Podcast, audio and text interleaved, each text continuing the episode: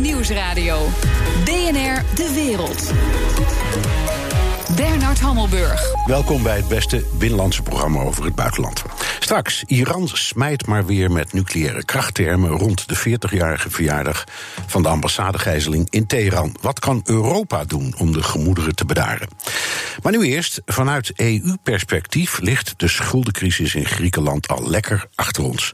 Maar voor de gewone Grieken is het nog altijd kommer en kwel, zonder hoop op betere tijden. Iedere dag als ik naar buiten ga, moet ik me langs de junks op de stoep voor mijn voordeur wurmen.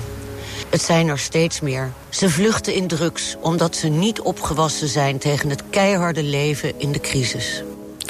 Er was een fragment uit de nieuwe documentaire serie Hotel Athene, die vanaf maandag te zien is op NPO 2. Gemaakt door Ingeborg Beugel, jarenlang correspondent in Athene en nu mijn gast. Welkom. Dankjewel. Fijn je te zien. Dat is alweer een tijdje geleden. Ja. ja, maar fijn. Jij woont nog altijd in Athene, of weer moet ik zeggen. De serie gaat onder meer ook over jouw buurt. Eh, een deprimerend verhaal is dat. Ja, heb je het gezien? Ja, zeker. Tuurlijk. Ja? Ja. Wat vond je ervan? Nou, deprimerend. Nou, ik zeg meteen. Je kunt waarschijnlijk in elke grote stad wel zo'n buurt vinden. Dus eh, wat dat nu zo typisch Grieks maakt, dat moet je dan nog maar uitleggen. Maar beschrijf. Nou, ik denk dat het in mijn buurt wel extreem is. Ik ken geen buurt in Parijs of Amsterdam of Londen waar het zo letterlijk op straat ligt. Ehm, die buurt die was ooit een, eh, eh, een industriedeel van Athene. Toen ik daar correspondent werd in de jaren tachtig, kwam je daar als burgertrut, die ik natuurlijk was, met geen voet, want dat was no-go area. En toen kwamen de akkoorden van Jacques Delors in 98 en moesten al die metropolen in Europa aan vervuilingsquota voldoen. Dus de industrieën werden weggejaagd. En toen kwam daar heel veel leegstand. En de allereerste vluchtelingen en migranten, zoals de Pakistanen, de Bangladeshi en de Chinezen, die zijn daar neergestreken 20 jaar geleden, 15 jaar geleden. En eh, nou ja, dat, dat leverde een heel interessante flora en fauna op. Daar trokken de junks en de daklozen naartoe. En nu ook de vluchtelingen. En door een grote kunstexpositie, Documenta, die daar gehouden is, kwam de Arty World, de jetset van de hele wereld daar, in negen- oh, 2017. En nu gaat de gentrificatie, ik geloof dat dat een Nederland woord is. Tegenwoordig wel. Ja, met de dat- dat snelheid betekent- van het dat betekent licht. op de, de, de, de autochtonen eruit en de doctoranden ze erin. hè? Dat komt- Exactly, ja. ja. Ja, goed. Ehm, het is, is dit nu representatief voor wat er in Griekenland gebeurt? Ja. Ja? Ja. Want dat vind ik wel heel belangrijk. Je laat een hele nare, maar ook wel leuke buurt zien.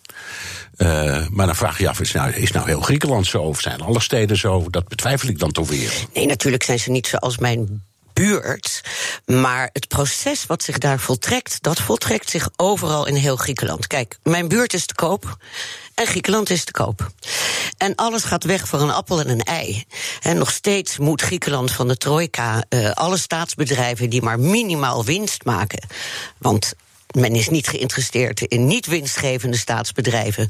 Verkopen voor dat fonds, weet je wel, daar in, in Luxemburg. Ja. Wat Schäuble bedacht heeft, er moet 50 miljard in. En eh, nou ja, als je met de rug tegen de muur staat, en dat staat Athene, dan eh, ja, word je gechanteerd en moet je voor heel Ja, lage prijzen dingen verkopen. stond geloof ik vandaag op een persbureau ook een, een heel verhaal over eh, huizen die je daar en trouwens ook in Cyprus voor een grijpstuiver kunt kopen als je tot de miljardairscirkel behoort. Ja, maar dat niet alleen. Kijk, de huisprijzen in Griekenland zijn 60 tot 80 procent gedaald. Overal. Behalve op Mykonos, Santorini en Hydra. Daar zijn ze omhoog gegaan. Maar voor de rest is het overal gedaald. Dus een heleboel mensen kopen, maar vooral ook de mensen buiten Schengen, die hebben het recht gekregen op een golden visa, zoals dat heet. Ja. Dus alle Chinezen, alle Russen, eh, de Nieuw-Zeelanders, Australiërs, Amerikanen, die voor minimaal 250.000 onroerend goed kopen, die mogen We krijgen er een visum bij. Nee, maar die mogen dus voor altijd in Griekenland blijven. Dus dat, ja, Griekenland is in de uitverkoop. Zelfs Piraeus is nu helemaal in Chinese kant. weet ik, ja, ja. Maar goed, maar ze, er waren er zelf bij. Daar wil ik toch even over praten. Voordat die crisis begon. Ja. Dus voordat Griekenland groot nieuws kwam. en jij ongeveer dagelijks bij Pauw of Pauw en Witteman zat uit te leggen.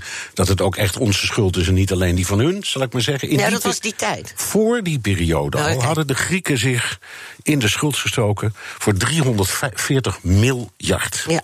Dat, dat, dat, is- dat, dat der- er wonen 11 miljoen mensen. Dat is 30.000 euro per burger, bejaarden en kinderen meegerekend. Hoe hebben ze dat voor elkaar gekregen? Nou, doordat ze zijn toegelaten in de eurozone. Dat had natuurlijk nooit gemogen en nooit gemoeten. Oké, maar ook dat wilden ze zelf en ze waren er zelf bij. Ja, maar je weet dat we uh, uh, helaas behept zijn of, of hebben te maken met allerlei eurofanatici. En de mensen bij de EU die Griekenland toegang hebben verleend en die Griekenland binnen hebben gelaten, zijn natuurlijk mede verantwoordelijk. Want Eurostat wist uh, al lang dat het begrotingstekort 12% en niet 3,6% was. Kijk, George Papandreou is toen de klokkenluider geweest. En die heeft de hele laag over zich heen gekregen, zoals dat meestal gebeurt bij klokkenluiders. Maar iedereen wist het. Het takes two to tango. Dus En- en ja, de Grieken hadden er een zootje van gemaakt, absoluut. Dijsselbloem had het ook door. Ja, maar luister, wij hebben in de jaren 80 en 90, wij correspondenten in Athene, onze vingers blauw geschreven hè, over wat er allemaal mis was in Griekenland. Het bleef orenverdovend stil in Maar Brussel. dan, dan nog, je zegt de eurocrisis. De- die staatsschuld was al opgebouwd voor de euro. Voor de euro. Voor de introductie van de euro had het land al enorme verliezen. Ja, maar niet zoveel. Hoe kan dat? Niet zoveel. Nou, dat kan. Als je eh, nog maar net een dictatuur achter de rug hebt. De laatste dictatuur is opgehouden in 74. Ja. Ja. En, dan, en Griekenland is toen voor geopolitieke redenen met de haren bij de toen nog EEG getrokken. Vanwege Turkije enzovoort. Nou ja, en vanwege de NAVO. En vanwege Ja. de NAVO, precies, maar dat, dat hoort daarbij. En um, Papandreou had toen al gezegd, nou, dat moeten we niet doen. En, maar toen hij eenmaal premier was in 81, heeft hij niks aan gedaan om dat proces wat toen nog gaande was te stoppen. Uh, en um, je- kunt dus nu zeggen, net zoals we weten inmiddels dat de maatschappijen niet maakbaar zijn, democratieën zijn ook niet maakbaar zonder begeleiding. Dus het is niet zo dat je als je opeens bij een Europese groep hoort en je wordt door het EEG-toverstokje aangeraakt, Dat je tot een nee. niet-corrupte democratie Nee, verandert en opeens. Even, even de andere, je mag zeggen stereotypes, hè, maar we Ja. dreunen ze toch maar weer even op. Ze betalen geen belasting, ze doen alles zwart. Als je een bonnetje vraagt in een taxi, word je voor gek verklaard. Ambtenaren en anderen gaan op hun 54ste met pensioen. Als, als iemand de notie van het verrichten van arbeid zelfs in de mond neemt, dan wordt dat als beledigend gezien. Ehm, kortom. er Waar is- heb je dit vandaan? gewoon allemaal, allemaal dingen die in de loop van de tijden ja, zo ja. zijn, gepasseerd. Die hebben de Diederik de Groot en ik allemaal op een lijstje gezet. En dit is hem dan. Ja. ja. Ja, ehm, dat van die bonnetjes is volkomen passé. Ze rennen achter je aan met bonnetjes, want de controle is zo verschrikkelijk scherp geworden. En er zijn zulke grote boetes als je geen bonnetje geeft. Dat, eh, eh, dat, was, dat eenmaal. Ehm, dat Grieken al maar op hun 54ste met pensioen gingen, is nooit waar geweest. Eh, militairen en politiemensen gingen op hun 54ste met pensioen. Maar dat is normaal. Dat gebeurt in Nederland ook. Want dat zijn mensen die jarenlang tijdens de feestdagen doorwerken. Dus dat wordt erbij opgeteld en dan ga je eerder met pensioen. Ehm fatsoen gaat top-down. Hè? Als jij te maken hebt als burger met een volstrekt corrupte elite. En je weet dat zoveel geld in de zakken van die mensen verdwijnt. En uh, uh, je krijgt voor belasting die je zou betalen of moet betalen. niks terug. Geen scholen, geen onderwijs, geen wegen, geen ziekenhuizen. Ja, dan gaat een heel volk een beetje doen wat de, de, de top ook Nou, doet. er zit in jouw documentaire een mevrouw met een winkeltje. Ja. En die zegt: Ik red het wel, maar, maar ik moet geen belasting betalen. Ja. Maar nu is het zo erg, Bernard. Nu moeten mensen met winkeltjes en de vrije beroepen, dus ook advocaten en doktoren, 72% belasting betalen en dan een jaar vooruit. Nou, dat kan, dat kan niemand. Dus die trojka-maatregelen hebben op dit moment absoluut het averechtse effect gehad. Want vroeger waren het vooral de rijken die heel erg belasting ontduikten, ontdoken. Maar nu zijn het vooral middenklassers en Ja, de die mevrouw onder... met dat winkeltje, want die Dus, zegt: ja, Ik kan dus- het niet betalen. Dus Ja. het gebeurt nu op veel grotere schaal Ja, dan maar, dat- voor de maar crisis. dan denk ik toch, er zijn ook in dit land heel veel mensen die denken: ik kan eigenlijk mijn belasting niet betalen. Maar je, je haalt het niet in je hoofd om het niet te doen, want je wordt opgepakt. Ja, en in, in eh, Griekenland ook, maar later. Ja. Maar er zijn dus ook heel erg veel mensen die uh, tussen nu en 2023, namelijk een miljoen en meer, die hun huizen gaan verliezen. En dat komt omdat ze de elektriciteit niet kunnen betalen, omdat ze belastingen niet kunnen kamelen, wordt er beslag op je huis gelegd.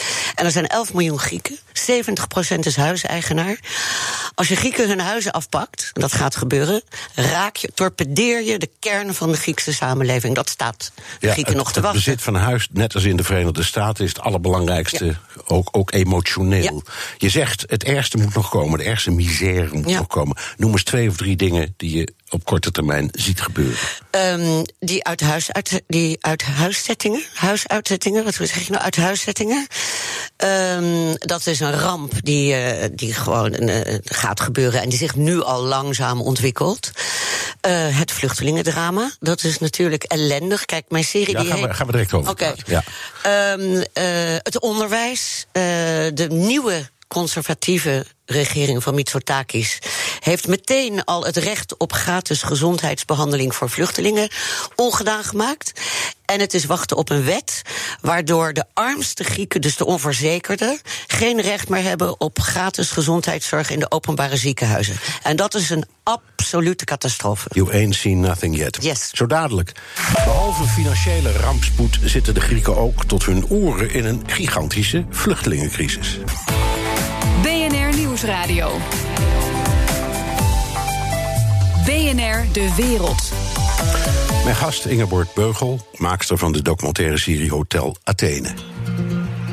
Als je denkt aan Griekenland en het vluchtelingendrama, denkt iedereen aan Lesbos.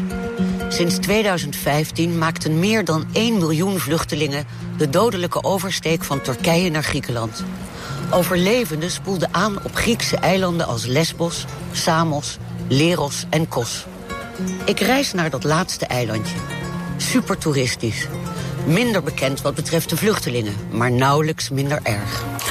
Griekenland, uh, Ingeborg, is een aankomstland voor vluchtelingen. Dat is nou helemaal zo, het ligt waar het ligt. Uh, dus ze kunnen daar het snelst komen, zou je zeggen. Ja, zoals Rutte ooit zei, dat is een kwestie van geografische pech hebben. Ja, ja, ja en de Italianen hebben dat ook. En, en de Maltezen hebben dat. En dat is nou een, een beetje zo. Hoeveel vluchtelingen zitten er nou? Op dit moment zitten er 99.000 officieel. Maar wij journalisten, wij weten dat het er veel en veel meer zijn. Wij, wij schatten onder elkaar, de correspondenten, wij schatten dat het er 180, misschien wel 200.000. En waarom wordt dat te laag geschat dan, laag? Omdat een heleboel vluchtelingen inmiddels ook wel weten dat je vooral niet in het land van aankomst een vingerafdruk moet geven. Dus die proberen uh, buiten die kampen te blijven en die verdwijnen in een soort uh, illegaliteit en willen alleen maar zo snel mogelijk gebruik maken met nu de tweede, la, uh, ja, hoe zeg je dat? De tweede etappe mensensmokkelarij. Je hebt nu drie etappes. Van, van eerst van het land van waar je van, vandaan komt naar Turkije, dat is één.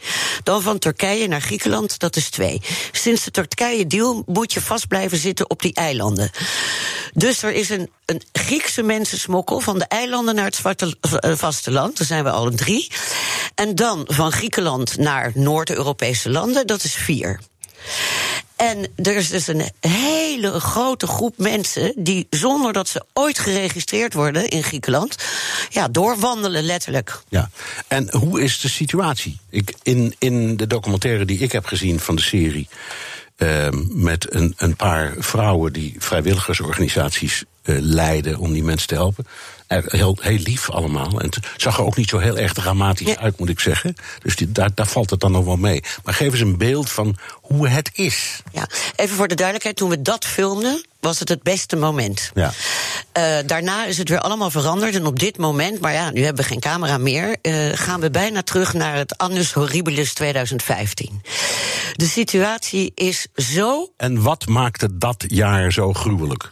Omdat er heel veel vluchtelingen per dag aankwamen. En dat is een hele tijd niet zo geweest. Maar nu uh, neemt dat onheilspellend en angstwekkend weer toe. Met als gevolg dat uh, vooral die kampen, die, ont, die de hotspots heten ze officieel, op de eilanden overvol zijn. iedereen weet inmiddels wel dat dat Moria op Lesbos... daar zitten nu 13.000 mensen in plaats van 3000. Is dat waar die, waar die containers staan, wat in jouw film te nee, zien is? dat is Leros. Oh, dat is Leros, Dat is Leros, maar dat is het, ik ben vaak bij Moria geweest... en we hebben gekozen om dat niet te doen... omdat er zo ontzettend veel over, uh, al over bekend is. Bovendien hebben we ons ook niet gericht op de vluchtelingen... maar op de Griekse vrijwilligers die hun leven geven... terwijl ze zelf ook werkloos zijn en geraakt zijn door de crisis aan die vluchtelingen en dag en nacht voor ze klaarstaan.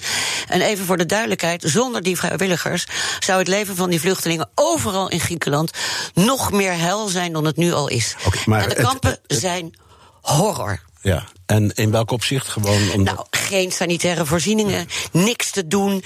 Uh, duizenden kinderen gaan niet naar school. Uh, de de, de uh, asielprocedures zijn volledig vastgelopen. Dus er zijn nu mensen die hebben hun eerste afspraak in 2023 bij een, een of andere ambassade. Ja, hallo. Ja. Dit gaat gewoon niet. De rest van Europa moet zijn verantwoordelijkheid nemen. Griekenland, Italië en Spanje hebben Europese grenzen.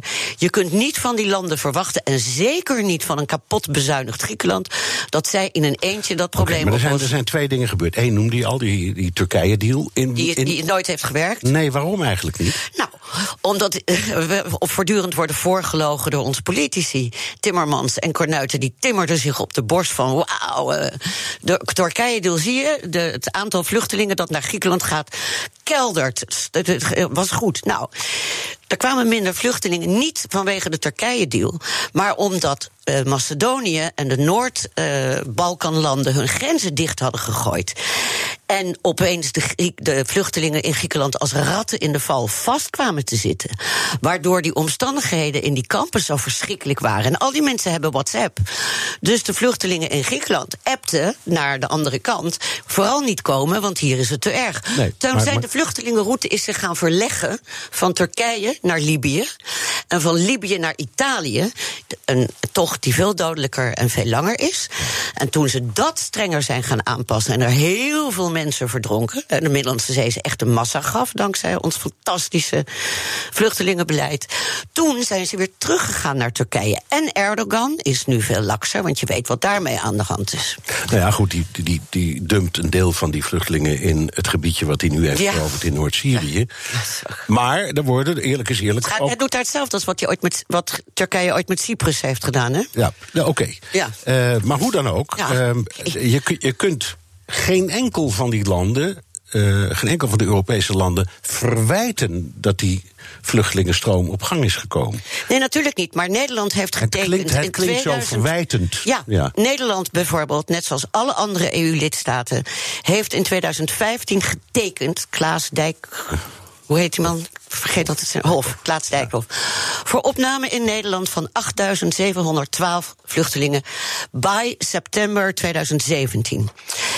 In april 2000, nee, het is nu 2019 en er zijn nog geen 1800 daadwerkelijk naar Nederland gekomen. Dus Nederland komt zijn afspraak niet naar. Nou, dat weet ik niet. Nou, dat is dus zo. Nee, als ze niet komen, betekent dat niet dat Nederland zijn afspraak niet nakomt. Nee, het betekent Nederland dat ze niet zijn gekomen. Nee, ze zijn niet gekomen, want Nederland heeft ze niet toegelaten. Het was een ondertekening, een afspraak van verdeling van 160.000 vluchtelingen in 2015 tot 2017. Maar dan los van de rol van Nederland en Duitsland, die op hun.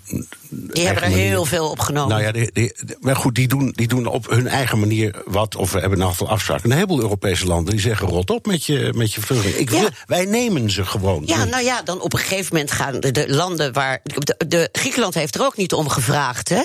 Om, uh, en Griekenland wordt ook niet gevraagd: wil jij dat? Dat is natuurlijk volstrekt onrechtvaardig zoals dat nu gaat.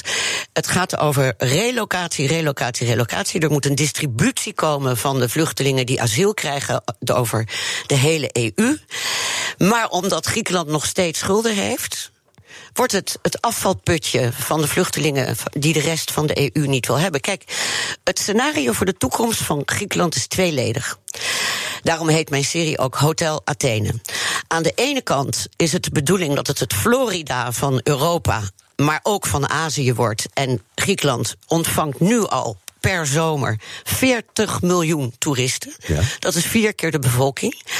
En aan de andere kant moet het het afvalpotje worden van honderdduizenden vluchtelingen. En die twee typen instromen mogen vooral niet met elkaar in contact komen. Want vluchtelingenellende is niet goed voor het toerisme. Het is een bizarre toestand. Ja. Ehm, nog eens even iets wat me altijd opvalt. dit is een klaagzang. Als ik het zo mag zeggen. Nou ja. En die, uh, die doe je namens heel veel Grieken, zal ik maar zeggen, hè? voor het gemak. Um, wat doen die Grieken behalve dit aan hun eigen economische situatie? Want als ik kijk op uh, exportlijstjes en zo. Griekenland maakt niks. Griekenland heeft niks. Nee. Ja, olijven of zo. Je hebt helemaal gelijk. ze, ze exporteren niks. Elk modern land heeft uh, uh, productie, industrie, iets.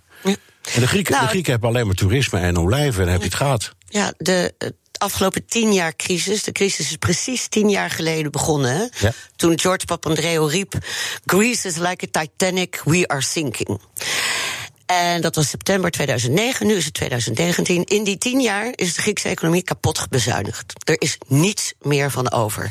En ja, de enige licht is uh, toerisme, toerisme. Maar weet je wat voor problemen dat oplevert? Vuilnisverwerking, riolering, waterproblemen. Maar bij elke industrie die je opbouwt zitten ook nadelen. Ja, maar dit als je, veel te snel als je, natuurlijk. Als je complete fabriekscomplexen uh, neerzet... dan heb je afval en, en, en vervuilen. Ja, dat hoort erbij. Ja, maar ze maar... hebben niks. Hoe komt dat? Ja. Hoe komt het dat een, dat een toch redelijk groot land... gewoon niks heeft? Geen industrie, geen product. Er is niets waarvan er, er ik kan bedenken... oh, dat is nou een typisch Grieks product. Ja, behalve kokomat. Oh, kokomat. On nature. Ja, en die, en die olijven dan. Ja, nou ja, kijk, de, um, wat heel erg mooi is op dit moment in Griekenland... is een die trend van de steden terug naar het platteland. In mijn laatste aflevering zit de hoop. Daar portretteer ik een jong stel in dat alles in eh, de Griekse hoofdstad Athene heeft achtergelaten. Daar waren ze depressief, ze hadden gestudeerd, konden geen werk vinden, geen geld voor baby's. En die gaan terug naar de leeggelopen dorpje van opa en oma. En daar leren ze weer van het land te leven. Dus tomaten, aubergines, uh, inderdaad olijven, olie, kaas enzovoort. En die zijn daar heel gelukkig geworden. En dat zie je, want Griekenland... In dat is een trend. Tot, dat is een trend. Oké, okay, dan la, laatste, want we zijn door de tijd heen. Ja, jammer. Toch, ja, jammer, maar toch even. Je, je voorspelt dat het uh, erger gaat ja. worden. Waarom? Nou, omdat uh, het ergste van de crisis nog moet komen. De middenklasse is weggevaagd. Alle reserves zijn nu echt op. Daar komt die invasie van toerisme overheen met alle problemen, vooral de vuilnisverwerking. 40 miljoen mensen daarbij. Dus 51 miljoen mensen die per dag twee plastic flessen water drinken, reken maar uit. De rioleringen en uh, het waterprobleem van uit de kraan. En de vluchtelingen, uh, dat probleem zal alleen maar toenemen. Ik, ik voorspel een, een Mad Max-filmachtige toestand. Het is uh, triest om te horen. Um, voor wie het allemaal precies wil zien, vanaf maandag op NPR 2 begint de documentaire serie Hotel Athene. Zes delen, hè? Mm -hmm. eigenlijk als Grieks drama hadden het er vijf moeten zijn, maar oké okay dan. Dankjewel, Ingeborg Beugel, oud-correspondent in Athene en maakster van de serie. BNR Nieuwsradio. BNR De Wereld. Bernard Hammelburg. Spaanse politici worstelen met de fans van generaal Franco in de aanloop naar de verkiezingen van zondag. Want bij de vierde verkiezingen in vier jaar is er slechts één partij die op grote winst staat: de ultranationalisten van Fox. Europa-verslaggever Jesse Pinster voor het eerst kreeg Vox-voorman Abascal de kans om een heel groot publiek toe te spreken. Hoe deed hij het bij het televisiebad deze week? Nou, het was vooral wat de anderen niet aan het doen waren. De andere partijleiders hadden besloten om deze Abascal volledig te negeren. Vooral de premier Sanchez, die, nou, die keek hem niet eens aan. En daardoor gingen ze hem ook niet met hem in debat. Ze gingen hem niet tegenspreken. Dus hij kreeg eigenlijk alle ruimte om al zijn punten te maken. En dat was vooral tekeer gaan tegen eh, migranten. Die uh, vluchtelingen zouden geen gezondheidszorg meer moeten krijgen. Spanjaarden moeten voorrang krijgen als het om gaat om huisvesting, als het gaat om uh, uitkeringen en dat soort zaken. Maar misschien de meest in het oog springende opmerking van deze Abascal was wel dat hij ja, eigenlijk Ramiro Ledesma Ramos parafraseerde. Dat is een van de pioniers van het fascisme in Spanje geweest. En hij zei: voor de gewone Spanjaarden is Spanje alles wat ze hebben. Alleen de rijken kunnen zich permitteren om geen thuisland te hebben. Ze klinken alsof ze echt een nationalisten zijn opkopen voor de gewone Spanjaard. Maar als je naar het programma van Fox gaat kijken, dan willen ze die belastingen voor die rijke Spanjaarden gigantisch omlaag. Ja, ja, ja. Kopie van. Uh Franco en Mussolini trouwens ook. Die hadden ook dit soort uh, teksten. Negeren van een tegenstander komt op tv vaak slecht over. Ja, dat komt niet goed over. Nee. Kwam de Fox-leider als winnaar uit het debat? Ja, want wat hij deed was juist wel die andere mensen gewoon recht in de ogen aankijken. En je zag dan ook dat meerdere Spaanse kranten hem uh, na het debat tot winnaar uitriepen. Nou ja, en in de peilingen is dat natuurlijk ook wel terug te zien.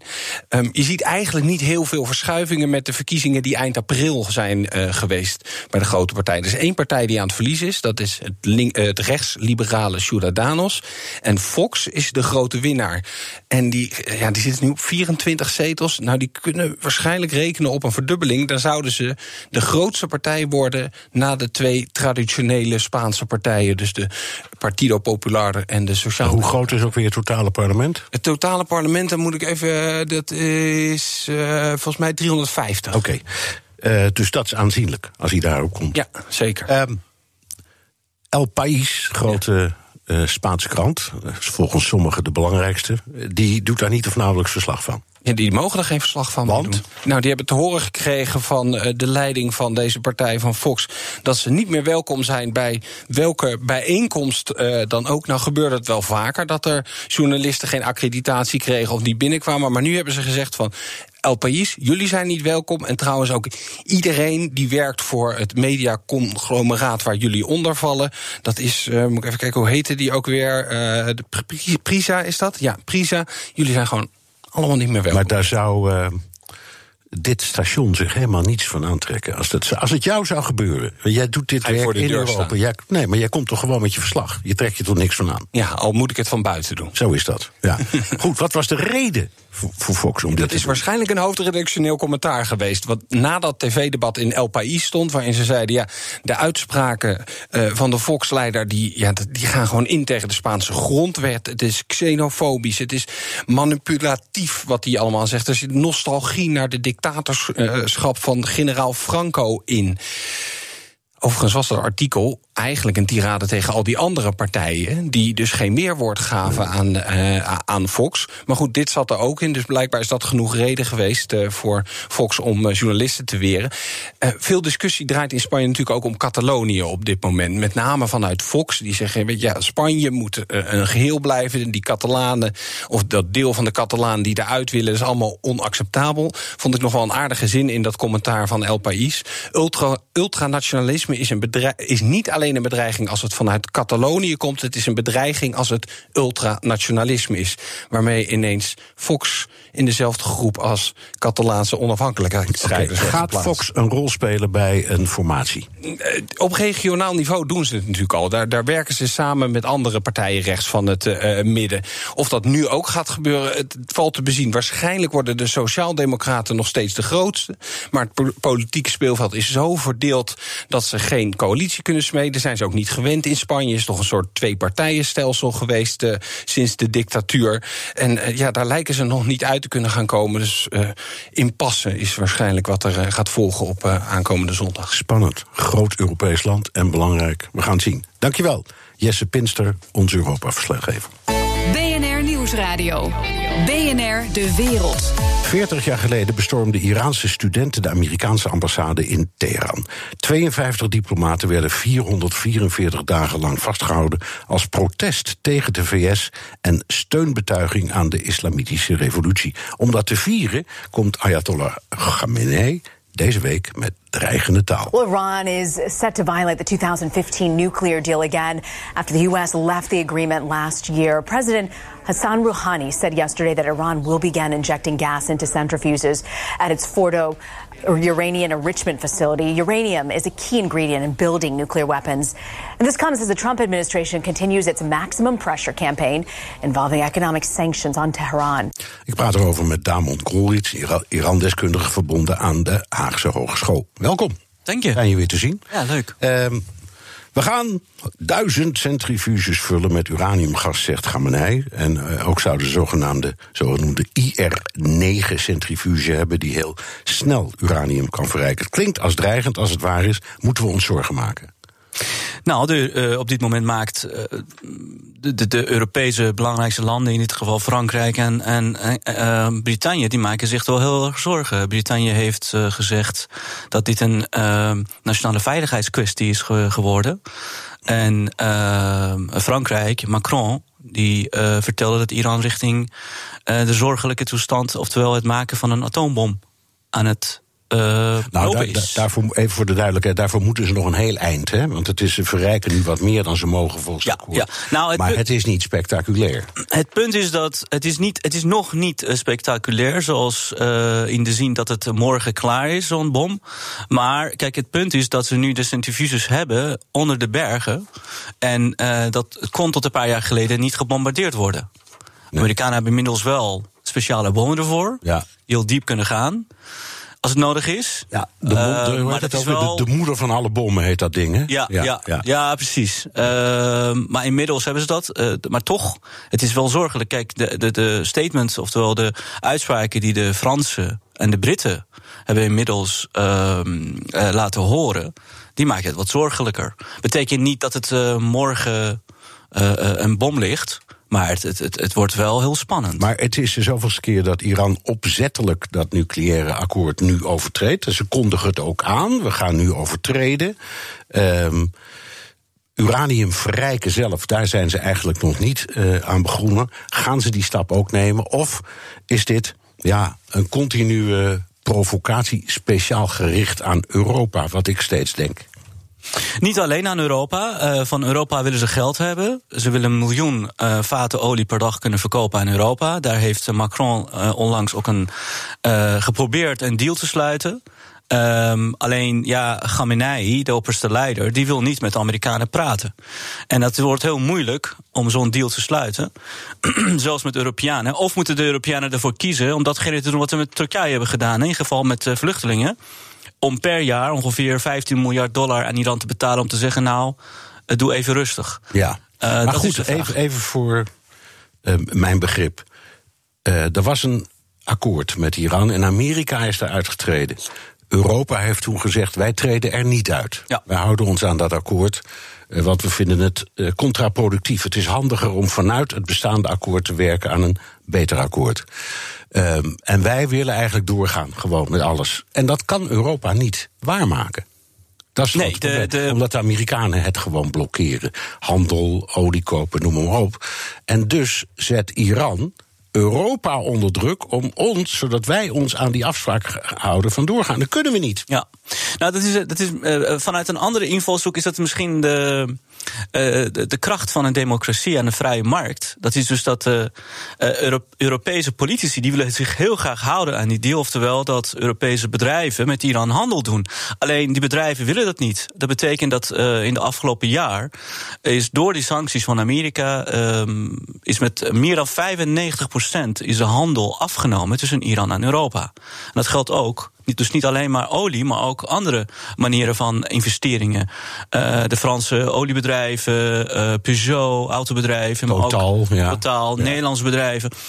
Dus uh, ja, dit laat zien dat de vrije markt zelf beslist wat handig is en wat nou, niet. Ja, maar het kan ook laten zien dat Europa tegen, nou, ondanks dat dat nu nog 28 en binnenkort 27 landen zijn, een groot blok, een groot machtsblok, niet in staat is om iets te doen buiten de Verenigde Staten om. Ja, dat is waar. Ja. Dus het is ook misschien gebrek aan Europees beleid. Oh, absoluut. Uh, Europa praat heel veel. En die heeft van alles uh, beloofd. En, dat, en dat, dat, is, dat is ook wat ik ook niet snap. Waarom beloof je dingen die je dus niet kan waarmaken? Zoals Instex. Hè? Dat was een soort uh, een, een, een, banksysteem dat ervoor zou zorgen dat Iran toch wel via zo'n bank. zodat, je, zodat je buiten SWIFT om betalingen kunt doen. Dus nee, buiten de Amerikaanse greep. Ja, niet alleen buiten SWIFT, maar ook dat je dus bedrijven, Europese bedrijven uh, steunt als Europa. Als ze dus onder sancties komen um, van Amerikanen, zodat ze met Iran handel kunnen doen. Nou, er is niks van terechtgekomen. Nee. Uh, ik bedoel, dat, de bank bestaat wel. Ze hebben volgens mij een, een, een investering van 3 miljoen uh, euro. Maar ja, dat is natuurlijk niks. Nee. Um, het, het, het gaat, de Amerikanen ging het erom dat uh, Iran zich niet hield aan de strekking van de deal. Wel aan, misschien wel aan de letter, maar niet aan de strekking. Wij vinden eigenlijk ook dat Iran zich niet houdt aan wat de bedoeling is ervan. Wat kunnen we doen, als Europeanen bijvoorbeeld, om Iran te beteugelen? Hebben we een middel? Kan ik misschien iets even uitleggen waarom, uh, waarom de Amerikanen en inmiddels ook de Europeanen dat vinden? Uh, waarom Iran zich niet heeft aangehouden? Kort, uh, het feit dat Iran op dit moment zegt, en iedereen is verrast erdoor, dat ze een nieuwe centrifuges hebben die 50 keer meer kan verrijken dan daarvoor. En niemand had dat voorzien. En er staat ook niet in de plannen uh, van een nucleaire overeenkomst laat zien dat wat Israël al een tijd zegt, dat, uh, dat er dus een uh, soort dubbele agenda is. Dat er dus plekken zijn waar misschien um, acties worden ondernomen die niet helemaal kozen zijn, om het even op, op Joods te zeggen. Um, dat het dus wel waar is. Dat er dus wel zorgen zijn. Dat Iran inderdaad zich niet altijd heeft gehouden aan, uh, aan die deal. Dus, uh, en, ook, en ook wat heel belangrijk is, Bernard, is dus dat, kijk, binnen een jaar zal de uh, sancties op het exporteren van conventionele wapens volgens de nucleaire deal zal aflopen. Binnen drie jaar um, de beperkingen op, um, beperkingen op raketten. En binnen vijf jaar beperkingen op nucleaire onderwerpen. Dus Amerika en Europa die had wel wat moeten doen.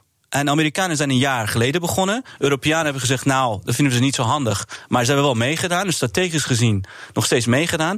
Uh, en Iran eigenlijk uh, uh, beweegt zich richting het um, technisch hebben van een nucleaire ja, wapen. Dus ze bewegen zich in, het, in, zeg, in de richting van het scenario zoals wordt geschetst door Trump en Netanyahu. Dat is ja. in feite wat je zegt. Precies. Goed. Zo dadelijk. Iran probeert de politieke regie te pakken in Libanon, Syrië en nu ook in Irak. Wordt het de supermacht die het zo graag wil zijn? BNR Nieuwsradio. BNR De Wereld. Ik praat verder met mijn gast, Damon Goris, Iran-deskundige verbonden aan de Haagse Hogeschool. To Iraq now, where security forces are shooting and killing protesters across the country. At least five demonstrators have been killed in rallies south of Baghdad today. Dozens of others were injured. Protesters are demanding political and economic changes. Many have also fueled anger toward Iran. It's the latest round of bloodshed and violence. Ja, allemaal. Uh, spanningen in Irak, in Libanon. In uh, Libanon is het onrustig. Je hebt grote protesten uh, tegen en voor premier Hariri, die inmiddels is afgetreden, en president Aoun, die er nog zit. Uh, en die heeft dan weer uh, ja, uh, relaties met Hezbollah. Iran speelt in die confrontatie een rol. Wat is hun doel? Wat willen ze in Libanon? Dat heeft uh, Khamenei al gezegd. Uh, onderdrukken van die protesten.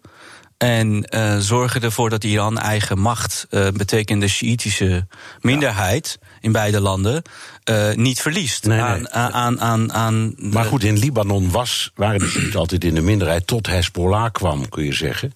Dat, dat, dat zijn Sjiiten. En dat heeft als ja. het ware daar de balans wat veranderd. Zijn ze niettemin in Teheran nog steeds bang dat de Sjiïten het onderspit zouden kunnen delven in Libanon. Nou ja, je kunt natuurlijk niet het aantal bevolking kun je niet verminderen, maar het gaat om de politieke macht. Ja. Uh, en, en Hezbollah heeft, uh, ik geloof, 14 zetels. Uh, maar ze hebben natuurlijk meer macht dan alleen maar aantal zetels in het parlement in Libanon. En, en dit is natuurlijk wel een, zoals Amerikanen zeggen, een blow in their face. Hè? en, en Teheran is best wel gestrest. Want nu, kijk, als je kijkt naar hoe mensen zich organiseren, hoe die protesten zijn, over het algemeen lijkt het alsof het niet per se tegen Hezbollah is, maar tegen alle politici. Ja. En tegen de, de, de, de tegen de elite hebben ze dat, elite. zo noemen, en ze, willen, ze het ook. Ja. En ze willen dat de corruptie tegen wordt gegaan, dat uh, het feit dat de elite of de establishment, uh, dat, dat, dat zij dus uh, opstappen en dat er meer vrijheid komt. Nou, en dat betekent dus dat Hezbollah niet zoals vroeger kan opereren. en dat geldt ook in Irak. In ja. Irak gaat het ook om de protesten. Kijk, het is wel wat hoor. Als je dus in de meest Sjiitische steden zoals Kerbala en Najaf wordt de uh, Iraanse vertegenwoordiging, het huis van de Iraanse vertegenwoordiging, in, in, in brand gestoken. En ehm, worden ja, vlaggen van Iran, maar ook foto's van Khamenei en Soleimani, de belangrijkste generaal van Iran, wordt dan. Ehm, ja, in brand gestoken. Dat, is de man betekent, van, de, van de Republikeinse Garde. Ja, dat betekent wel wat. Ja, laten we even hebben over Irak. Um, dat was in de tijd van Saddam Hussein kun je zeggen, een soort apartheidsregime waar de Soenitische minderheid het te zeggen had over de Sjiitische meerderheid. Ja. Nu heeft die Sjiitische meerderheid het voor het zeggen.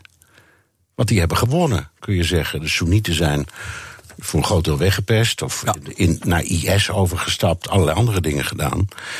Um, Iran wordt steeds meer gezien, misschien omdat het ook een Sjiitisch land is, als een grootmacht daar. Is dat waar? Wat voor rol spelen ze nu precies in Irak? Ja, nou, en het is daarom belangrijk, want de Amerikanen zitten daar ook nog steeds. En die worden steeds meer als bezetters gezien. Dat zeggen de, Irak, de Irakezen ook. Nou, is dat echt zo bij de, bij de ja. opkom bij de protesten die er nu ook zijn? Ik, ik, zie, ik zie meer anti-Iran uh, sentiment dan anti-Amerikaans. Maar misschien ligt het aan. Nou, dit hangt een beetje vanaf wanneer je kijkt. Maar om een voorbeeld te geven, er, er zitten 5000 Amerikaanse soldaten. Die duizend soldaten die Amerika weg zou willen halen uit Syrië die willen ze overbrengen naar Irak. Ja. Maar de Irakese regering heeft gezegd: doe dat nou niet. Ja. Want jullie worden al gezien als bezetters en dan komen er nog meer soldaten. Ja, we moeten zien hoe dat zich ontwikkelt. Maar het is ook zo. Ik bedoel, uh, ik kan me heel goed voorstellen hoe uh, een Irakees zich voelt door al die landen die daar een uh, invloed willen hebben. Wat we niet moeten vergeten is dat het waren juist heel veel Shiiten die in de tijden van de oorlog tussen Iran en Irak tegen Iran, wat ook Shiitisch land was, vochten. Ja, negen jaar lang. Dus ja op dat moment, en natuurlijk ook een beetje door, uh, door het feit dat, dat je moest vechten natuurlijk tegen een, uh, tegen, tegen een land als Iran, als Irakees.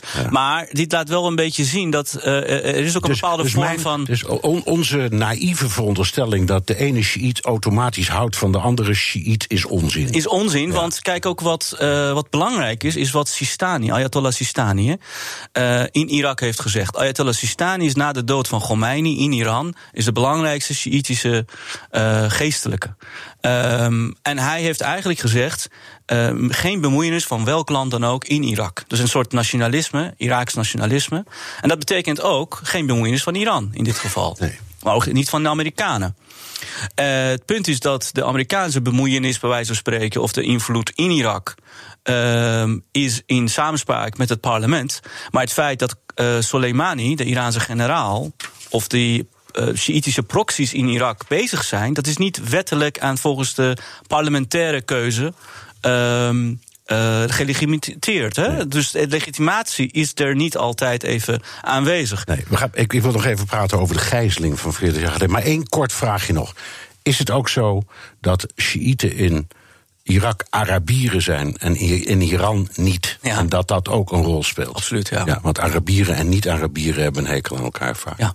Als je kijkt naar de uh, uh, zeer uh, rechtse religieuze websites in Iran... en je leest de ervaring van mensen die vanuit Iran in Syrië en in Irak zijn bezig geweest... die vinden altijd dat Iraniërs worden per se niet altijd als echt moslims gezien... en, de, en omdat ze ook Persisch zijn en niet... Arabieren, die worden ook niet altijd even serieus genomen. Dus in die zin, daar speelt ook een belangrijk Oké, even terug naar die gijzeling. Dat was 40 jaar geleden.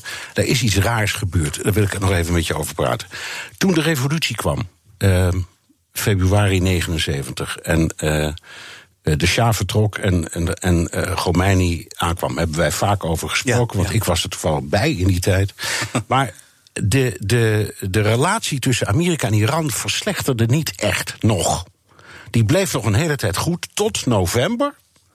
Tot die gijzeling kwam. En nou was het mijn indruk dat dat eigenlijk een soort qua jongenswerk was van studenten. En dat dat is geadopteerd door Khomeini en daarmee een staatszaak is geworden. Dat is helemaal waar. Ja. Het is precies hoe het wordt gezien. Ook binnen het regime zelf. Wordt gezien als een startpunt van het anti-Amerikanisme. Dat inmiddels is verspreid. Ook overgenomen door mensen als eh, Bin Laden en zo. Ehm, en eh, dat is eigenlijk het punt waardoor eh, Dood aan Amerika iedere vrijdag nog steeds wordt Ja. gezongen in, tijdens de vrijdagsgebed. En is een belangrijke, belangrijke buitenlandse politiek eh, van, van Iran, buitenlands beleid eh, op dit moment. Omdat met, tegen Amerika ageren kun je dus jezelf als revolutionair bewijzen. En eh, er zijn ook eh, denkers die vinden dat zolang het anti-Amerikanisme niet wordt losgelaten, dus zolang dat dat eh, niet loslaten, dat de situatie niet zal veranderen. Nee, er, was nog iets vreemds. Die, die actie gebeurde onder president Carter. Ja. Wat een progressieve man was. En, en, en nou, redelijk progressief. Voor Amerikaanse ideeën was dat in geval een progressieve man. Ja. En die gijzeling die, die, die duurt 444 dagen. Tot het moment waarop Reagan werd geïnaugureerd. En heel veel mensen zeggen, de Iraniërs hebben Reagan aan zijn overwinning geholpen. En als je Trump ziet als erfopvolger van, van eh, Reagan, dan kun je zeggen, de Iraniërs hebben bijgedragen aan de machtswisseling naar republikeins. Is dat nou wat ze wilden? Nou, daar zijn. Daar Is dat zijn ze wilden, of dat hebben ze is- zich misrekend? Nee, dat is, eh, dat is precies hoe Iran het heeft eh, gespeeld. Eh, er zijn inmiddels bewijzen dat Khomeini correspondeerde met Amerikaanse. Eh, diplomaten voordat hij aan de macht kwam, om hen te verzekeren dat we dus niet tegen Amerika Nee, zullen vanuit Parijs nog. Vanuit Parijs Ja. nog. Vervolgens, eh, er zijn ook documenten die laten zien dat eh, inderdaad gesprekken waren tussen de adviseurs van Reagan om, te, om, om die gijzeling op een moment vrij te laten, zodat hij zou winnen en eh, Carter, Carter zou verliezen. verliezen. En dat is ook gelukt. En misschien dat we dit model ook weer gaan gebruiken. Vertel, hoe? Nou, eh, de, de, de Democraten op dit moment voor de verkiezingen in 2020, eh, die, die, die vinden dat de nucleaire deal heel goed was. Die willen eigenlijk terug. Ehm, eh, nee, dat kijkt- is niet. Wat ze zeggen is, nee, hij was niet goed. Maar je kunt beter vanuit een slechte bestaande deal opnieuw onderhandelen... Nou. dan hem eerst schrappen en helemaal opnieuw Eens, beginnen. eh, precies, dat is nou de lijn die ook Iran volgt. Ja. En ik kan me heel goed voorstellen dat Iraniërs in gesprekken aangaan om te zeggen: Nou, wij gaan bijvoorbeeld eh, bepaalde acties ondernemen om, om, om, om ervoor te zorgen dat Trump wordt afgezet. Of niet, niet per se afgezet, maar ook niet, niet wint, de verkiezingen. Maar dat een. Een democraat komt, Ja. want dan kunnen we weer verder praten. en dan kunnen we verder praten, want dan gaan jullie terug naar de tijden van de deal en dan hebben we een gesprek. Eh, en, zo, en zo hebben we toch eigenlijk maar een heel klein wereldbolletje, als je erover nadenkt. Kunnen we allemaal samen. Damon Goris, Iran-deskundige verbonden de Haagse Hogeschool. Heel hartelijk dank. Tot zover BNR De Wereld. Terugluisteren kan via de site, de app, iTunes of Spotify. Reageren kan via een mailtje naar dewereld.bnr.nl. Tot volgende week.